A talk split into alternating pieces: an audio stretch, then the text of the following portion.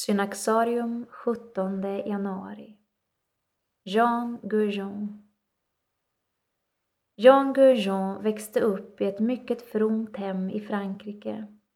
Redan som ung läste hon skrifter av François de Sales och i hemmet fick hon en gedigen andlig undervisning.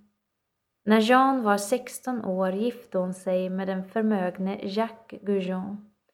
Ett äktenskap som varade i 12 år då hon blev änka.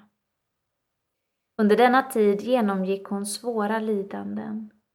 Äktenskapet var olyckligt och hon fick därtill uppleva hur två av hennes barn dog, liksom båda hennes föräldrar och en syster.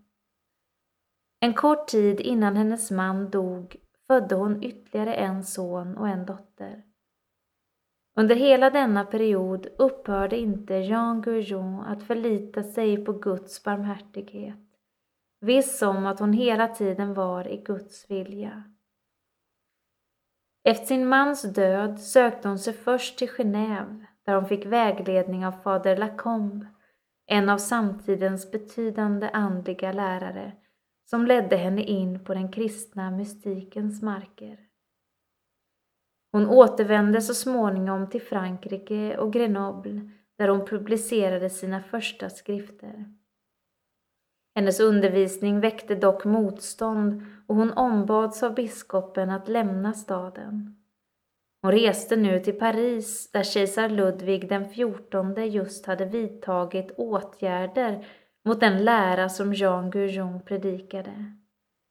År 1688 arresterades hon första gången och sattes i den ökända Bastiljen. När hon sju månader senare blev frigiven introducerades hon för biskop François Fenelon som kom att bli hennes mest berömde lärjunge.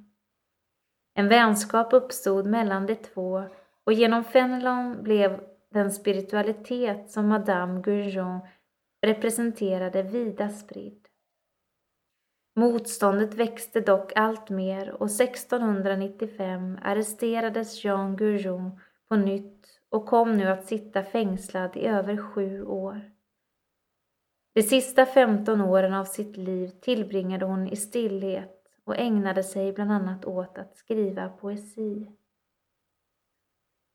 Vad var det i Madame Gurjons skrifter som väckte så häftigt motstånd inom samtidens religiösa liv? Likt tessikasterna i östkyrkan talade hon om den oavbrutna bönen.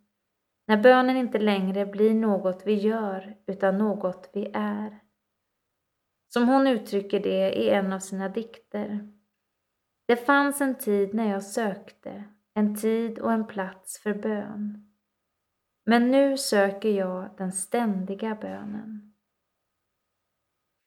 I ett andligt klimat där tro och gärningar ofta spelades ut mot varandra uppfattades hennes undervisning om bönen som farlig och heretisk. Men Madame Goujon framhöll inte något annat än vad Guds älskare i alla tider och traditioner praktiserat. Att alltid söka leva i Guds närvaro.